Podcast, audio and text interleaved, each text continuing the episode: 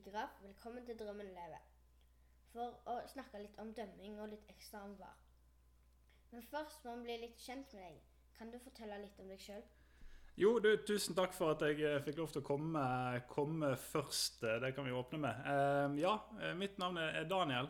Jeg, jeg er fra Bergen, som dere sikkert hører, men har bodd i Stavanger nå i elleve år. Jeg er gjerne her fordi at jeg er fotballdommer, at jeg er fotballdommer i Eliteserien, og det jeg, eh, skal jeg være nå i min andre sesong. Eh, ellers er jeg 31 år blitt, eh, bor på Hundvåg og, og trives veldig godt med det. Og har en datter og Ja. Kort om meg. Vi har fått et lytterspørsmål fra Arne. Og han lurer på om du kan fortelle litt om ditt forhold med ananas på pizza. Ananas på pizza. Du, eh, jeg er såpass glad i mat, og jeg er såpass glad i at mat skal lages riktig, så ananas eh, skal ikke på pizzaen eh, for min del, altså. Hvordan var det du begynte å dømme? Jeg begynte å dømme når jeg var ganske ung. Jeg begynte å dømme fotball for det lokale laget mitt i Bergen som het Bønes. Der begynte jeg å dømme egentlig klassevenninnene mine eh, når jeg gikk i syvende klasse og syntes det var veldig gøy. Eh, Så jeg fortsatte med det og fortsatte å dømme fotball i min egen klubb, eh, som videre ble, ble Fyllingen, som heter FK Fyllingsdalen. Eh, og Deretter gikk turen videre på et rekrutteringsdommerkurs, altså begynne å dømme fotball for, eh, for fotballkretsen. Og, og siden jeg gjorde det når jeg var 15, så har det egentlig bare gått én vei. altså. Eh, så for meg har dømming alltid vært en viktig del av, eh, av livet og hverdagen min, for å si det sånn. Spilte du fotball før du begynte å dømme? Ja, jeg spilte fotball fram til jeg var 18.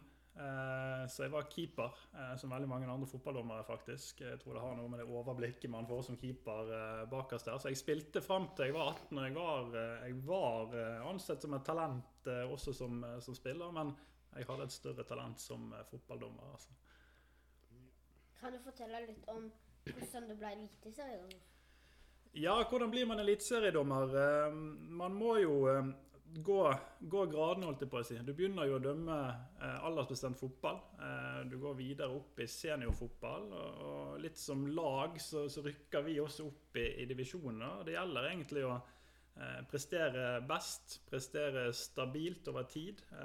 Jeg for min del gikk turen opp i tredjedivisjon gikk veldig fort. Turen opp i andredivisjon gikk også fort, men der var jeg i fem sesonger. Eh, Så var jeg fire sesonger i Obos-ligaen før jeg da virkelig var klar, og, og Norges Fotballforbund anså meg som en, en kommende eliteseriedommer. Da. Så da rykket jeg opp til Eliteserien og hadde min første sesong eh, der i fjor, i 2022. Hva er det som gjør det gøy å dømme? Åh, gøy å dømme. Eh, jeg tror, eh, altså Hvis jeg skal snakke for meg selv der jeg er nå, så har det et eller annet med den følelsen av å gå ut på en, en eliteseriearena. Eh, innmarsjen og, og kjenne litt på det trøkket, kjenne litt på hymnen. Eh, og den utfordringen det gir, ikke minst, og den mestringsfølelsen som det i de aller fleste tilfeller gjør, eh, det er noe jeg liker. Og så er det dette med miljøet, dette med fellesskapet som også vi dommere har, er en, en veldig viktig del av det. Jeg med mitt team som reiser rundt i, i hele Norge og dømmer fotballkamper omtrent hver helg, det, er, eh, det gir meg utrolig mye, altså. Ja, for er det sånn at dere er en gruppe med dommere, dere går på alle de kampene? Ja, altså i Eliteserien nå så er jo det 18 dommere, og så er det en 28 assistentdommere, tror jeg. Ehm, men vi er paret opp i team, ja. Eh, så jeg har, eh, jeg har eh, mine assistentdommere som jeg reiser med, og så rullerer vi selvfølgelig litt. Men, eh, men man får en sånn Man skal perfeksjonere det samarbeidet og det teamet man har, da. Ja. Um, hva er det rareste du har opplevd når du har vært dommer? Under en kamp, eller? Det rareste jeg har opplevd um, Ja, det er et veldig godt spørsmål. Uh, Jeg måtte senest i 2021 uh, avbryte en kamp i nesten halvannen time pga. snø uh, oppe, på, oppe i Ulsteinvik. Jeg skulle dømme en kvalifiseringskamp mellom Hødd og Kjørdalsblink. Eh, Der ble det veldig mye snø. Det var litt spesielt. Ehm, Ellers, Jeg kommer dessverre ikke på noen sånn veldig rare opplevelser akkurat nå utenom det. altså. Men det er jo bra. Ja, ja det er egentlig det. Har du noen mål du ønsker å nå som dommer? Det har jeg. Eh, der jeg er nå, så er det veldig naturlig å jobbe videre for å bli, eh, altså, bli en såkalt Fifa-dommer. Eh, og få lov til å dømme internasjonale kamper, reise ut og dømme kamper i Europa. Det er på en måte det meg og mitt team jobber for nå, da, å ta, ta det steget videre. Og det er ett mål, og så et mer langsiktig mål. Det er kanskje naturligvis å dømme en cupfinale eh, i Norge. Det er den største kampen man kan ha som fotballdommer, og gjerne spiller òg eh, i norsk fotball. Eh, har du noen gang dømt en vikingkamp? Ehm, ja, eh, jeg kan jo ikke dømme Viking i Eliteserien. Eh, når jeg representerer Rogaland fotballkrets, altså NFF Rogaland, så kan jeg ikke dømme Viking og, og Haugesund. Eh, men jeg har dømt Viking flere ganger i cupen, bl.a. Jeg har dømt Viking i treningskamper, og, og jeg er veldig mye fjerdedommer på SR Bank Arena i Viking sine kamper. Men jeg kommer nok aldri til å dømme Viking i, i eliteseriene. Hva gjør en fjerdedommer? Ja, hva gjør en fjerdedommer? Han, han passer på disse sinte trenerne. og Nei, altså En fjerdedommer er like mye en del av dommerteamet som eh, hoveddommeren og assistentdommeren. Du er med inn på banen. Du har, eh, du har et ansvar for å dekke dine vinkler, på en måte. Eh, følge litt med der dommeren gjerne ikke kan se selv. bak ryggen til venstre for dommer. Og så har du i tillegg det administrative ansvaret. Gjennomføring av spillebytter, notering osv. Um, og så er det dette med å administrere de tekniske områdene. Da, altså benkene, trenere, spillere som, eh, som er der. Så er det sånn at du noen ganger er uh, hoveddommer som springer ut på banen. Noen ganger så står du på sida, noen ganger så er du fjerde. Ja, altså jeg, eh, jeg er hovedsakelig hoveddommer. Eh, Jeg er ikke assistentdommer. det er Jeg ikke, jeg er ikke med flagget. Eh, Der er vi spesialisert og, og perfeksjonert. Men jeg er fjerdedommer fem til ti ganger i løpet av en sesong også. Ja. Og da er det som regel enten på, på SR Bank Arena eller, eller i Haugesund, der det er litt mer lokalt. Hva syns du er gøyest av de to, da? Nå må jeg nesten være litt forsiktig hva jeg sier, men det er utrolig kjekt å komme på SR Bank Arena. Eh, der er det veldig mange hyggelige folk i, administrasjonen som arrangerer, og eh, skolebollene til Dag Vidar, ikke sant? eller Dag Helge, beklager, Dag Helge. Eh, så det å komme på SR Bank Arena er en veldig fin arena å komme til som, som dommer. Det er det. Ja, Nå sa du jo litt om det, da, men er det noen lag utenom Viking og Haugesund du, er det bestemt at du ikke kan dømme?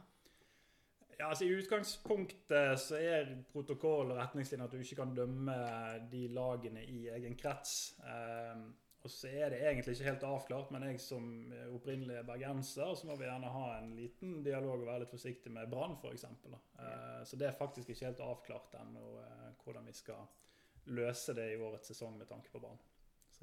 Men har du dømt Brann før?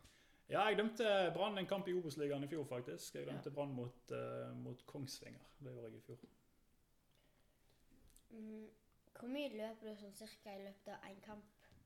Eh, Ja, eh, det varierer veldig fra kampen, faktisk. Noen kamper er rolig, det spilles mye i forsvar, og da løper man gjerne rundt en, 10 km.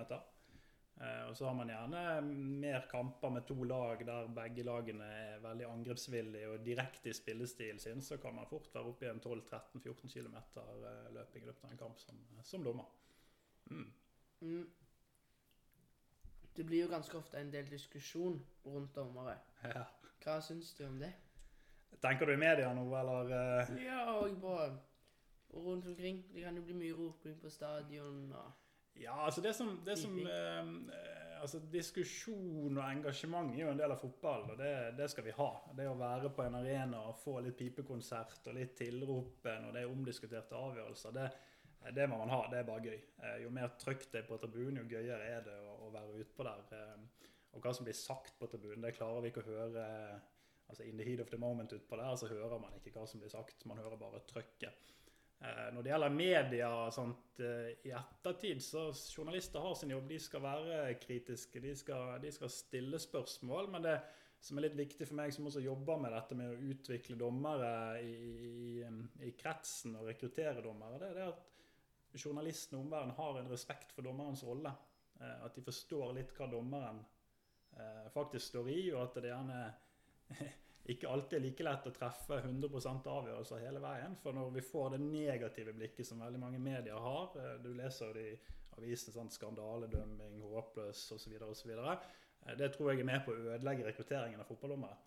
og få nye dommere inn. Så der håper jeg jo at media etter hvert kanskje kan få en eh, Altså de skal fortsette å stille kritiske spørsmål, de skal fortsette å ha fokus på det, men kanskje med en litt annen tilnærming. da. Det er det jeg håper. Men at det skal være trøkk og engasjement, det heier vi på eh, Så hver dag. du, altså. så du syns det er litt gøy når folk piper på deg og sånt?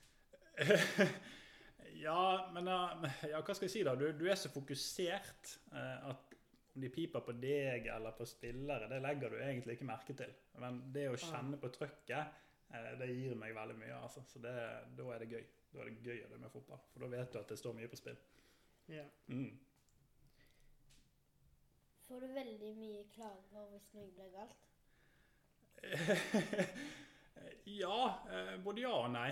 Ehm, spillere i Eliteserien er veldig profesjonelle. Eh, og selvfølgelig, de reagerer eh, hvis de mener at dette ble feil. Eh, og det skal de. De skal reagere. Men samtidig har de en profesjonalitet og en respekt. da, eh, Så måten de reagerer på, er egentlig helt fin. Eh, Litt spontane reaksjoner og den fine kommunikasjonen mellom meg som dommer og spiller, det er kjempebra. Ehm, så ja. Hva var utgangspunktet til spørsmålet ditt igjen? Det var om, eh, Om jeg får mye klager. Nei, jeg tror ikke Det er jo bare å dømme godt, vet du. Så slipper man, eh, så slipper man klager. Nei, jeg har, jeg har unngått eh, de verste klagene. Det har jeg. Vi har fått et lytterspørsmål fra Hedda, Ja. og hun lurer på om du, har fått, eller om du får med deg mye av det som skjer rundt banen. Da mener du sikkert på sånn tribunen og Ja, nei, som sagt eh, altså Dømmer du en, eh, en fotballkamp med lite tilskuere, så får du gjerne med deg litt, ja. Eh, da får du kanskje med deg hva som blir sagt og, og de mest ivrige supportere. Men har du eh, arenaer som Eliteserien der det i hvert fall er 5 6 7 8000 og oppover, så, så får du ikke med deg hva som blir sagt. Du får bare med deg det, det trøkket og den, eh, det engasjementet. Ja. Mm. Hva slags avgjørelser er vanskeligst å ta? på en måte? De vanskeligste avgjørelsene er nok de som betyr mest. Eh, straffesparksituasjoner, eh, rødkortsituasjoner, eh, om det er taklinger eller om det er dette for åpenbar skåringsmulighet. Sånn. For da, da vet du at den avgjørelsen man tar nå, den kommer til å prege fotballkampen. Den kommer til å endre kampens utfall. Eh, så der skal du være 100% sikker, og så skal du ha en riktig plassering og en riktig posisjon. Og det igjen kan gjøre det utfordrende. at du, eh, Hvis du ikke har den den best mulig optimale plasseringen og posisjonen som dommer, så, så tar du ofte feil. Og da er det vanskelig. Da er det veldig vanskelig. Eh, og ting går fort. altså Ting går gjerne fort inn i 16-meteren òg, der det virkelig kampen avgjøres. Så det, det er nok kanskje det, de mest utfordrende. Syns du det er gøy å gi røde kort? Nei. Det, det er noe vi egentlig ønsker å unngå. Eh, altså Det er en god følelse. Har du en, en 100% klink situasjon, dette, alle kjøper det, dette var et rødt kort, ingen diskusjon, så OK. Da kjenner du gjerne det at nå traff vi, nå var vi gode. Eh, Ja. Men det å holde alle 22 spillere på fotballbanen er jo litt av målsetningen vår. Eh, vi er jo kampledere. og eh, Jo bedre kampledere vi er, jo mindre trenger vi benytte oss av, av gule og røde kort. Eh, Det er på en måte målsetningen vår når vi går inn i en kamp, at den kampen her, den skal vi lede på best mulig måte uten å måtte benytte disse disiplinærreaksjonene, da, som gule og rød kort. Det er en målsetning vi har før kamper. Hvordan holder du kontrollen på alle spillerne? Er det liksom sånn Hvis det er mange rundt han, og så blir han takla, hvordan vet du hvem som har gjort det?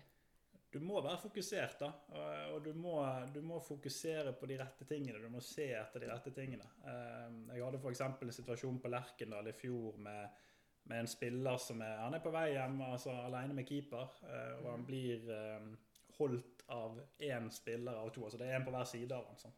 Og Da må du virkelig være fokusert for å få med deg eh, hvem det er. da. Så det, det er egentlig bare det det handler om. Du må, du må være fokusert og se etter det rette. Men kan du da få hjelp av de assistentdommerne på sida? Assistent, ja, eh, hvis de har fått med seg det. Eh, vi har jo kommunikasjonssystem eh, med assistentdommer, så hvis jeg er usikker som dommer, så tar jeg gjerne en liten sjekk med, med teamet mitt om de har noe å tilføye. Og hvis de da er veldig gode, som de forhåpentligvis ofte er, så, så har gjerne de fått det med seg fra, fra sine vinkler og, og sine plasseringer. Er den mikrofonen alltid på, eller er det sånn av og på-knapp? Den er alltid på. Så de hører de som bare Eh, De hører meg puste, ja, hvis, Ja.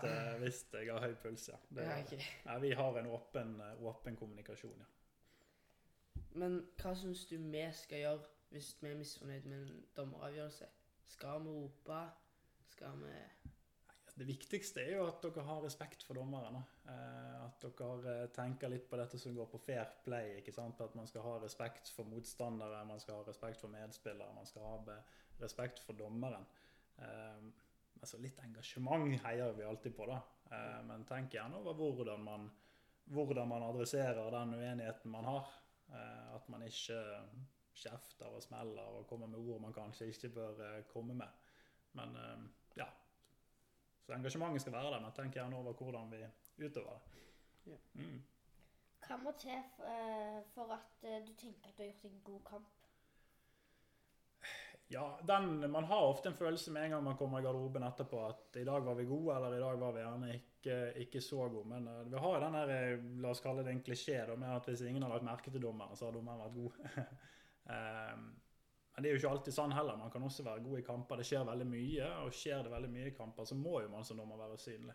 Ehm, men ja, så lenge man føler at i dag traff vi på de viktige situasjonene, altså det som går på straffespark og eventuelle eh, potensielle røde kortsituasjoner, og, og egentlig fått litt flyt i kampen, ja, da, da, da har man gjerne en følelse av at i dag var man god. da. Mm. Um, Altså, hva skal til for at du må gi kort på eh, sånn uttaling av tid? Ja, eh, det er jo veldig kampbetinget, tenker jeg. Yeah. Eh, det går gjerne litt på um, hvorfor bruker de tid, eh, hvordan er kampen. Har du ett lag som ønsker å spille effektiv fotball, komme kjapt i gang, og du har ett lag som ikke ønsker det, så må man gjerne jobbe mer med, med det laget og administrere de, altså management på det. da.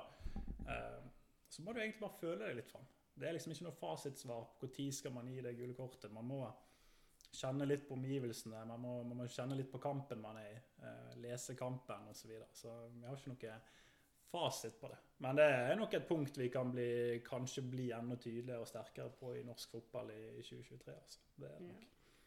Lars fra Vikingpodden lurer på om dere feirer mye i garderoben etter kamp. Med musikk og liksom Ja, det er veldig individuelt, tror jeg. Eh, vi er 18 dommere i Eliteserien, og vi er 18 forskjellige, 18 forskjellige personer. da. Eh, jeg for min del jeg har høy musikk på i garderoben før kamp. altså I den perioden når vi går inn etter oppvarming og fram til kamp, da skal jeg eh, inn i min boble. og Da har jeg høy musikk på eh, Skaper litt stemning, rett og slett. Men så har du andre som er helt stille. Eh, da er det ikke et ord som blir sagt, da er det kun den type fokus. Men det er klart, har man gjort en god kamp, så er det, er det god stemning i garderoben etter kamp. altså. Det er det.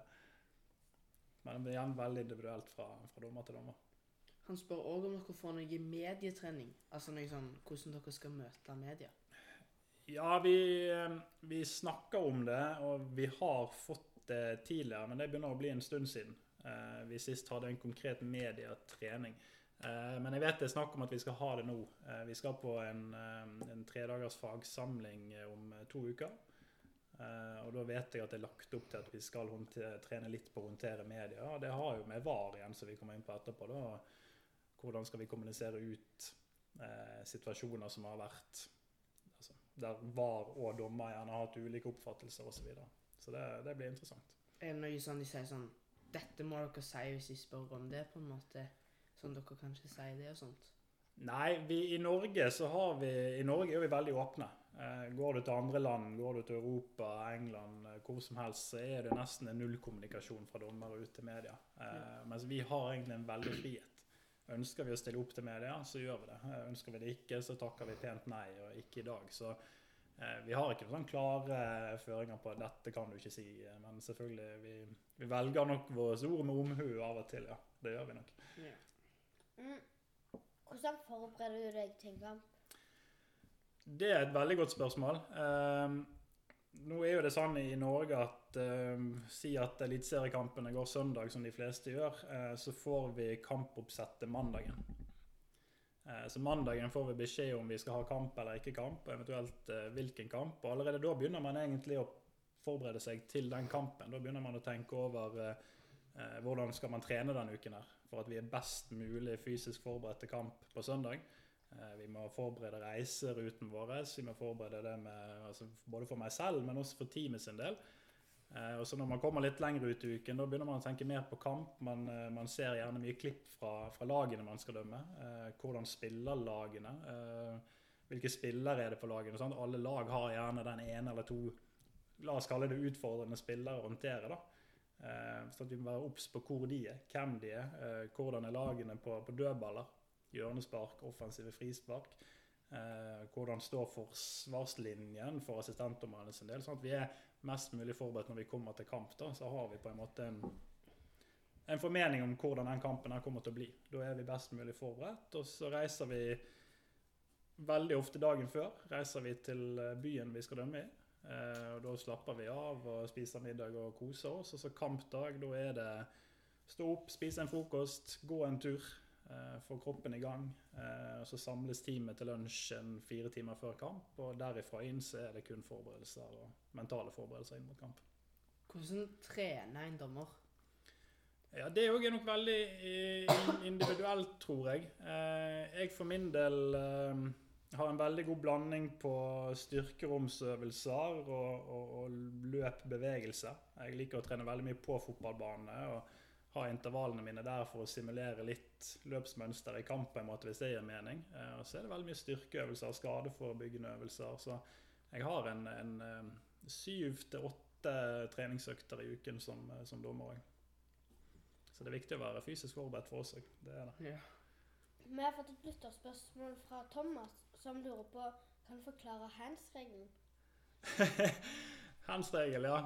Ehm, ja, altså Kort fortalt så skal man eh, blåse en hands, så må det være en forsettlig hands. Eh, og så kan jo man eh, bruke regelverket i mange paragrafer videre. Men liksom det vi i utgangspunktet ser på, det er jo om arm søker ball. Altså går armen i en, natur, altså en unaturlig bevegelse mot ballen. Eh, hvordan er armens plassering? Er armen i naturlig posisjon, eller er armen tydelig ut fra kropp? Er han over skulderhøyde osv.? Eh, og er han det, så er jo øker jo muligheten for at dette er en straffbar hands. Eh, og så har vi det med å ta seg for Hvis du er inne i en takling og du, du tar armen ned til bakken, så vil jo det regnes som en naturlig posisjon, selv om man gjerne ikke er i naturlig posisjon. Så hands, hands er komplisert å forklare. Eh, men personlig syns jeg han ikke er så komplisert å håndheve. Men at det er vanskelig for en eh, fotballsupporter å alltid forstå seg på hens, det har jeg veldig forståelse for. altså. Er det noen andre regler som er endra, eller nye regler til årets eh, sesong? Eh, nei, altså Fotballreglene de håndheves jo av IFAB, International Football Association Board. Eh, og De gjør regelendringene i forbindelse med den internasjonale sesongen. Eh, og Den begynner jo per deres definisjon 1.7. Um, så det er ingen nye regler til årets eliteseriesesong. Det er det ikke. Og det var veldig lite regelendringer som kom i fjor òg. Det var bare enkle presiseringer på hva som er en bevisst spilt ball av motspiller i forbindelse med offside-situasjoner. Så det er ingen, ingen store regelendringer å ta med seg inn i årets sesong. Men nå skal vi over til VAR. For Yes. vi lurer jo litt ekstra på eh, dette her med VAR. Ja, For vi har jo sett det på TV i Premier League og i andre svære Men nå er det for første gang i Eliteserien. Eh, så vi kan begynne helt basic, da, for de som ikke vet det. Hva står VAR for? ja eh, nå måtte jeg faktisk tenke meg litt om eh, selv. Men det står jo selvfølgelig for Video Assistant Referee. Og hva er det på norsk? Eh, det er ja, Video Assistant Referee, altså video altså, Vi har vel ikke laget et norsk ord for det ennå, eh, men altså videoassisterende dommer eh, kaller det på norsk. da. Ja. Men kan du eh, fortelle litt om hvordan dere skal gjøre det med VAR i Eliteserien? Ja, eh, hvor skal vi begynne? Eh, VAR er jo, altså Jeg elsker å snakke om VAR, for det er så nytt og spennende for, eh, for oss. eh, Like nytt og spennende som for, for fotballsupportere. Eh, men VAR kommer jo først og fremst til å være stasjonert i Oslo. Eh, vi har et eh, lokale på Holbergsplass i Oslo der alle, alle VAR-oppdragene kommer til å gå ifra. Der er det satt opp åtte stasjoner, så vi skal kunne dekke alle kampene om det går åtte kamper samtidig. Så kommunikasjon blir jo da mellom VAR i Oslo og, og dommerne på, på kamparenaene rundt omkring i, i, i Norges land. Så det vil være VAR på alle kamper i Eliteserien eh, 2023. Forhåpentligvis blir det også i NM 2023 fra kvartfinaler, men det er ikke helt avklart ennå.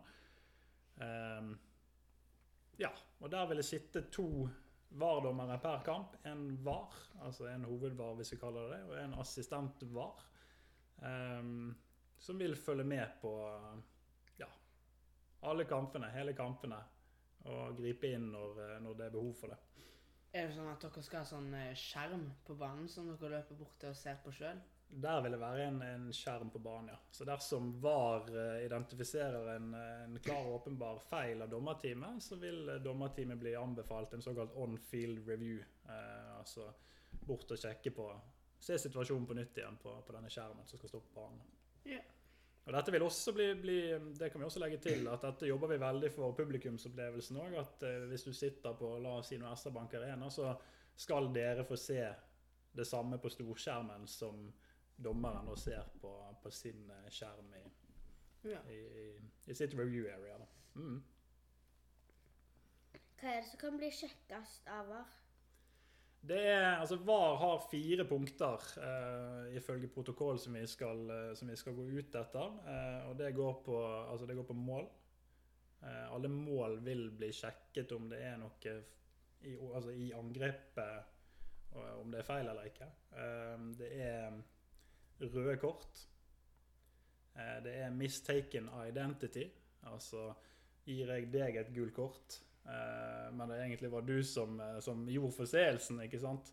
Så kan VAR gå inn og, og gripe inn om det var riktig eller galt. ja. Uh, hvem er det som bestemmer til slutt når noe sjekkes av VAR? Det er alltid dommeren som har det siste ordet. Uh, altså VAR-dommeren kan kun komme med anbefalinger. Altså Hvis jeg er din VAR nå, så kan jeg anbefale deg å se dette på nytt igjen. Mhm. Så det er du som tar avgjørelsen til syvende og sist om du faktisk vil se det eller ikke. Du vil nok i ti av ti tilfeller gå ut og se det på nytt igjen, og så er det du som tar, eh, tar den siste avgjørelsen. Men kan de være med å påvirke din avgjørelse? Si sånn. Nei, eh, det skal de ikke. VAR skal på ingen som helst måte gå inn og dømme fotballkamp. Eh, VAR blir mer et la oss kalle det et kontrollerende organ. da. Så VAR skal ikke komme med noen anbefalinger. Jeg kan som VAR forklare deg når du er på vei ut til skjermen for på en måte at nå kommer du til å komme ut, og kommer du til å se det og det. Du kommer til å se den taklingen, den taklingen har treffpunkt på legg osv. Men du skal ikke påvirkes av meg eller denne. Men det kan forberede deg. Mm, hvem er det som sitter i VAR-rommet, på en måte? Ja, eh, det er eliteseriedommere, det er utgangspunktet. Eh, Som VAR eh, så skal det være eliteseriehoveddommere som er VAR. Eh, Når det gjelder AVAR, altså assisterende VAR, eh, så er det assistentdommer i Eliteserien. eh, Og så er det noen utvalgte hoveddommere i Obos-ligaen som er trent opp til dette her. Og så er det også noen utvalgte hoveddommere i toppserien for kvinner. Eh, Så vår beste kvinnelige dommer òg kan sitte som AVAR i, i hvert fall i 2023. Og så håper vi det at vi kan utvikle noen av disse til å også kunne være VAR videre. Mm. Er det sånn at du noen ganger skal dømme, noen ganger så sitter du i VAR-rommet? Det blir nok en god fordeling på det. ja. Jeg tipper kanskje i år at det blir litt sånn jevnt fordelt eh, hoveddommeroppdrag og VAR-oppdrag eh, for min del. Men det får vi se når tiden kommer. Men det kommer til å være veldig mye begge plasser, både på banen og i, i rommet i Oslo. Hva tror du, eller hva syns du er kjekkest av det, da? Jeg, eh, jeg eh, vil nok være på banen helst, ja. Eh, Sånn som det er nå, i hvert fall. Men det kan jo endre seg. Kanskje det viser seg at jeg er en fantastisk god VAR-dommer. Hvem vet? Da kan det hende at det blir aktuelt å satse litt mer på det, da. Men jeg tror nok at jeg er en person som trives best uti der og, og dømmer kampene selv, ja.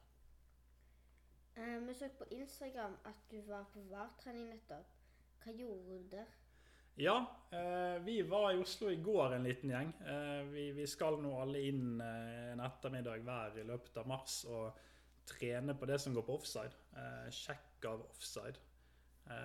Det er veldig nytt for oss. Vi har jo trent på VAR siden januar i fjor. altså januar 2022 begynte vi opptreningen. Men når det gjelder dette programmet som setter disse berømte strekene som vi har sett i Premier League og VM og, osv. Det fikk vi først nylig.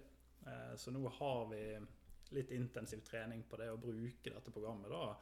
Eh, Det er jo sånn sett ikke vi som skal bruke det. Vi har jo en videooperatør også på hver kamp eh, som sitter med oss. Og det er jo han eller henne som eh, trekker disse linjene. Men vi må være med og trene på det. Vi må, vi må finne de rette punktene på kroppene når vi skal sette disse linjene. Så det var en veldig, veldig god og nødvendig treningsøkt vi hadde der i går. ja.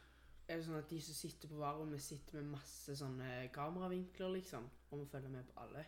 Ja, eh, det er der denne videooperatøren som jeg snakket om kommer inn. Eh, Det er en person som ikke har dommerfaglig kunnskap, men det er en person som har veldig god teknisk eh, kunnskap. Så den personen sitter med alle kameraene tilgjengelig som er på denne arenaen. Om det er fem eller tolv kameraer, så vil denne personen ha alle, alle vinklene tilgjengelig. og når vi da skal sjekke noe, så vil vi be videooperatøren om å finne de beste bildene til oss. Hvis jeg sier da til at jeg må ha en vinkel som viser hvor den, det treffpunktet på den taklingen var, f.eks., så er det videooperatøren sin jobb da å servere meg de beste bildene for å sjekke den situasjonen.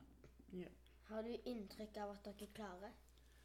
Eh, ja, eh, jeg tror vi kan si at vi er klare, eh, men dette må trenes på. Eh, vi har trent i et år, og, men selvfølgelig vi, vi har trent mye offline. altså Vi har sittet og simulert situasjoner der vi ser klipp eh, si fra dansk fotball. Vi, vi har trent på det, simulert på det, kommunikasjon, eh, protokollarbeid osv. Eh, og så har vi også vært og dømt med det, men i treningskamper. Jeg var på Sarpsborg i januar blant annet, og dømte en treningskamp med VAR. Men det er nok noe annerledes når, eh, når Viking nå møter Rosenborg i første serierunde på Lerkendal. Og den personen, hvis det blir en VAR-situasjon der for den dommeren da sjekke den 15 000-16 000 tilskuere der, det blir nok noe helt annet. Så vi må på en måte trene litt på det i Eliteserien for å komme skikkelig i gang. Hvordan var det å dømme den kampen? Nei, Det var Det var- fint, syns jeg. Da tenker du treningskampen, ikke sant? Ja, jeg dømte en treningskamp i Sarpsborg. Det var to fjerdedivisjonslag. Og jeg synes det var veldig greit. Da fikk vi trent litt på kommunikasjon i hvert fall. og eh, Nå fikk ikke jeg noen VAR-situasjoner i den kampen, dessverre, for å si det sånn. Men eh, jeg synes det fungerte veldig godt eh, når vi var der. Det gjorde jeg. Det er veldig mange som lurer på mye om VAR, Ja. og vi har fått mange lyttespørsmål. Men Henrik han lurer på hva som blir den største utfordringen med VAR. Ja, jeg, tror, i hvert fall i starten nå, eh, så blir det å uniformere oss på hva vi griper inn på. Eh, det som vi kaller for line of intervention. Hva er en clear and obvious mistake? Eh, det håper jeg jo at vi klarer å nå forberede oss på fram mot seriestart. Og at vi kommer til å få det ut i praksis når sesongen begynner. Sånn at det ikke blir eller sånn at ikke no Fotball-Norge føler at det blir ulikt bedømt. Eh, For da tror jeg vi kommer skjevt ut, da, eh, hvis det skjer. Så jeg håper det at eh, vi får det til å treffe. Men det tror jeg er en utfordring vi har som vi må ta på alvor. altså.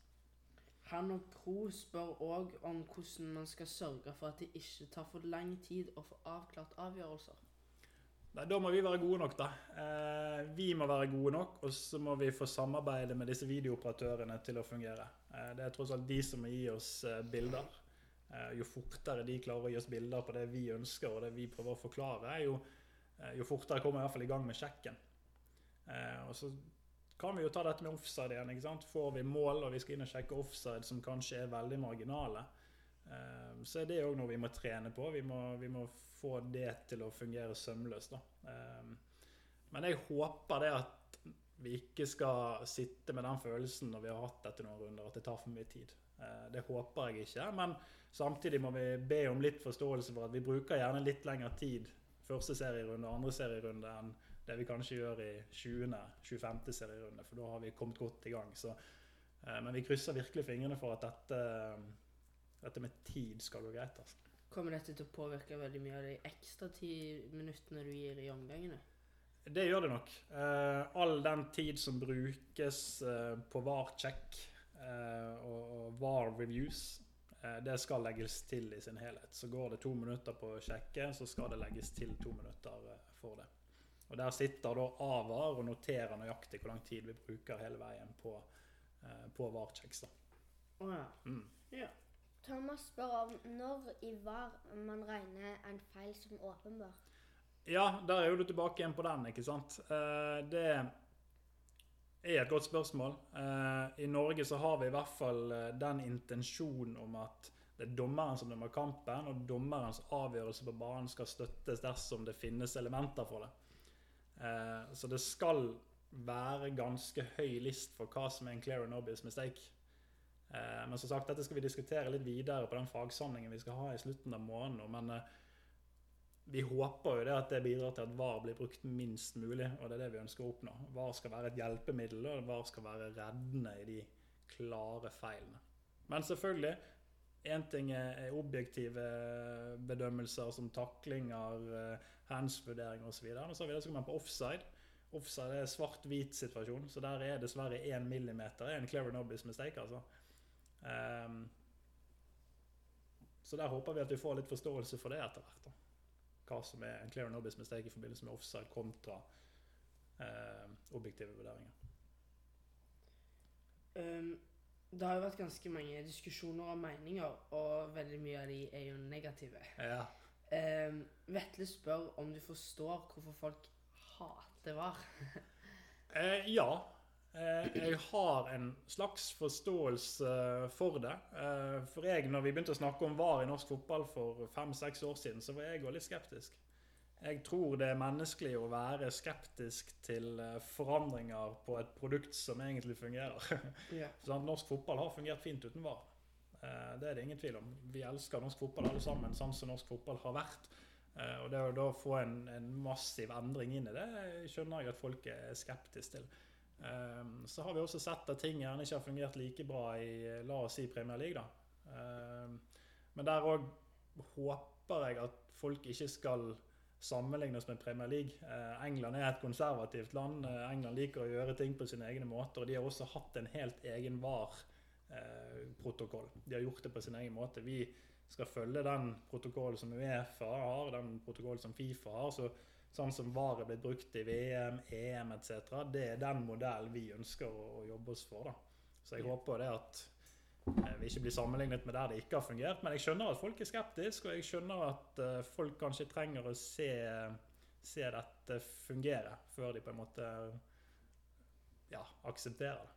Jeg bare kom på en ting. For du sa jo at VAR kunne anbefale deg å sjekke det. Mm. Men kan du si til dem kan jeg få lov til å sjekke dette? Ja. Dommer kan også spørre VAR om de kan forberede bilder. Ja. Det har jeg ennå ikke hørt om har skjedd, eh, men vi har muligheten til det hvis, hvis jeg utpå der virkelig føler at dette har jeg lyst til å se på nytt igjen.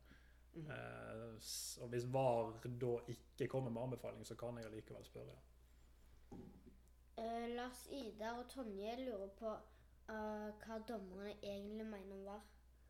Vi er nå veldig positive. Eh, Vi er, gleder oss veldig til å ta det i bruk. Eh, Vi har trent godt nå, som sagt, i over et år. Eh, Og ikke minst er vi litt avhengige av det. VAR er ikke et dommerprosjekt, VAR er et fotballprosjekt. Det er viktig å påpeke, men for at vi skal lykkes internasjonalt Nå har vi Espen Eskås som debuterte i Champions League i høst og begynner å ta steget virkelig opp i top of the league i Europa som dommer. da. Eh, så må vi også beherske VAR. Og det er jo, Vi har Rohit Saggi som kommer som nummer to nå. Eh, For at han òg skal få lov til å få de mulighetene oppover, så må vi som altså, norsk fotball må ha VAR inn da, for at vi skal lykkes internasjonalt. Men også for at norsk fotball òg skal henge med internasjonalt, så tror jeg det er viktig at vi òg implementerer VAR på lik linje som egentlig så å si alle ligaene i Europa gjør nå. Eh, Det, nå er det veldig få ligaer igjen som ikke har, eh, har VAR, eller skal få VAR innen den nærmeste tiden. Lars Ida spør òg om dere føler at deres jobb blir lettere med VAR. Eh, nei, jobben blir jo ikke enklere. Eh, for vi skal utpå der og dømme fotball som før. Eh, vi skal dømme fotball som en sterke kampledere. Vi skal ta alle avgjørelser som før på banen. Eh, men så blir VAR et la oss kalle det et sikkerhetsnett. da. De jeg vil tørre å si få gangene vi gjør åpenbare feil, da blir vi reddet. Og det gjør jobben vår litt enklere, for da unngår vi i hvert fall de store kontroversielle feilene som kan ha store betydninger for, for lagene. Mm, Simen lurer på uh, Hvis du kunne relansert VAR, hvordan uh, ville det sett ut? Altså etter ditt eget ønske. Oi. Veldig, veldig godt spørsmål som jeg ikke har brukt noen sekund på å tenke over. Ehm, jeg tror nesten jeg må være litt kjedelig og bare si at den varen vi har nå, må vi, må vi gå inn med. Eh, og så får vi se hvordan det kan utvikles eh, til å bli enda bedre i framtiden. Men jeg tror det er viktig at norsk fotball i hvert fall sørger for å prøve å få supportere og stadionopplevelse med på dette. her. Eh, det tror jeg er viktig i norsk fotball. Ja, Andreas lurer på om det vil bli tyngre flagg nå som assistentdommerne vet at VAR kan redde dem, om de ikke er sikre på offside.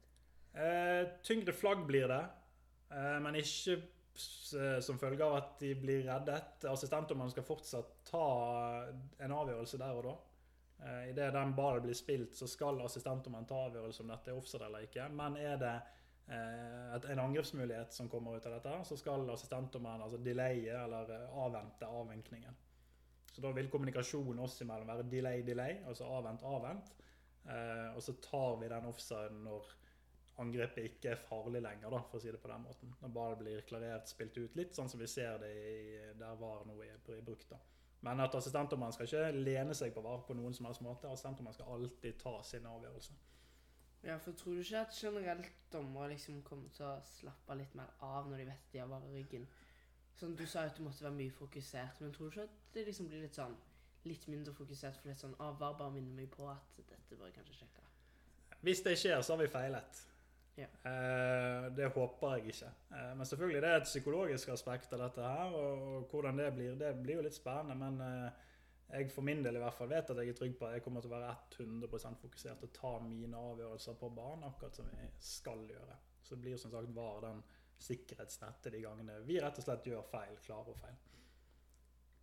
Rune fra Felt O-podkast lurer på om eh, vi på stadion får se eh, de samme bildene som dommerne. Ja. Uh, ja, som sagt. Det, det jobber, vet jeg, eh, TV 2 jobber mye med eh, Å forberede det produktet som skal være på banen. Uh, for vi ønsker at stadionopplevelsen skal bli bedre av dette. her, sant? Vi må, vi, må, vi må invitere med publikum, vi må invitere med supportere på dette opplegget. Så som sagt, som jeg sa tidligere i dag, de, de situasjonene som vi som dommere ser i en eventuell VAR-review, skal også vises på storskjerm eh, til publikum. Så tror jeg det er litt uavklart om det blir vist der og da, eller om det blir vist etter at avgjørelsen er tatt. Det er jeg litt usikker på, men i hvert fall det skal vises på stadion, eh, det som blir sett på. Mm, hvorfor det, liksom? Nei, altså, jeg, eh, det går litt på hva supporterne ønsker, tror jeg. Og hva vi ønsker å gi supporterne. Jeg tipper hvis dere ser en kamp, eh, Viking spiller kamp, og det blir gjort en, en VAR-avgjørelse, så er jeg ganske sikker på at dere ønsker å se hva er det egentlig som eh, har blitt sett på, og hvorfor. Eh, Så det er egentlig for å servere dere det som skjer, og øke stadionopplevelsen. Styrke stadionopplevelsen. Eh, Lars lurer på om du som en ganske ung dommer har måttet bidra med teknisk support til noen av de mer eh, rutinerte dommerne. Ja. og ikke bare de eldre, men eh, det er mange av de yngre òg. Men, eh, men heldigvis, som sagt, vi har disse videooperatørene med oss. eh, og de er veldig teknisk dyktige. Men det er klart, noen av de eldre Vi hadde Tommy Skjerven med oss på treningen, og han la dessverre opp nå i en alder av 53. Han visste jo ikke hva han holdt på med, vet du. Så, så Tommy måtte vi forklare litt ekstra, men, men det er videooperatørene som tar seg av det meste tekniske. Er det noe mer du har lyst til å fortelle om dømming eller VAR eller noe sånt? Nei, som sagt, jeg, eh, jeg bare håper at folk ønsker VAR velkommen. At folk eh, gir oss mulighet til å utvikle dette til å bli et godt produkt for norsk fotball, som skaper et, eh, en mer rettferdig konkurranse. Eh, så har jeg full forståelse for at det er skeptiske stemmer der ute. Jeg har full forståelse for at folk er spente. Eh, og det er vi òg. Vi er veldig spente, men vi gleder oss, og vi, er- vi er trygge på at uh, dette skal vi lande, altså. Det er vi. Da sier vi takk igjen for at du stilte opp hos oss. Ja, takk uh, for at jeg fikk komme. Dette var kjekt, altså. Veldig kjekt.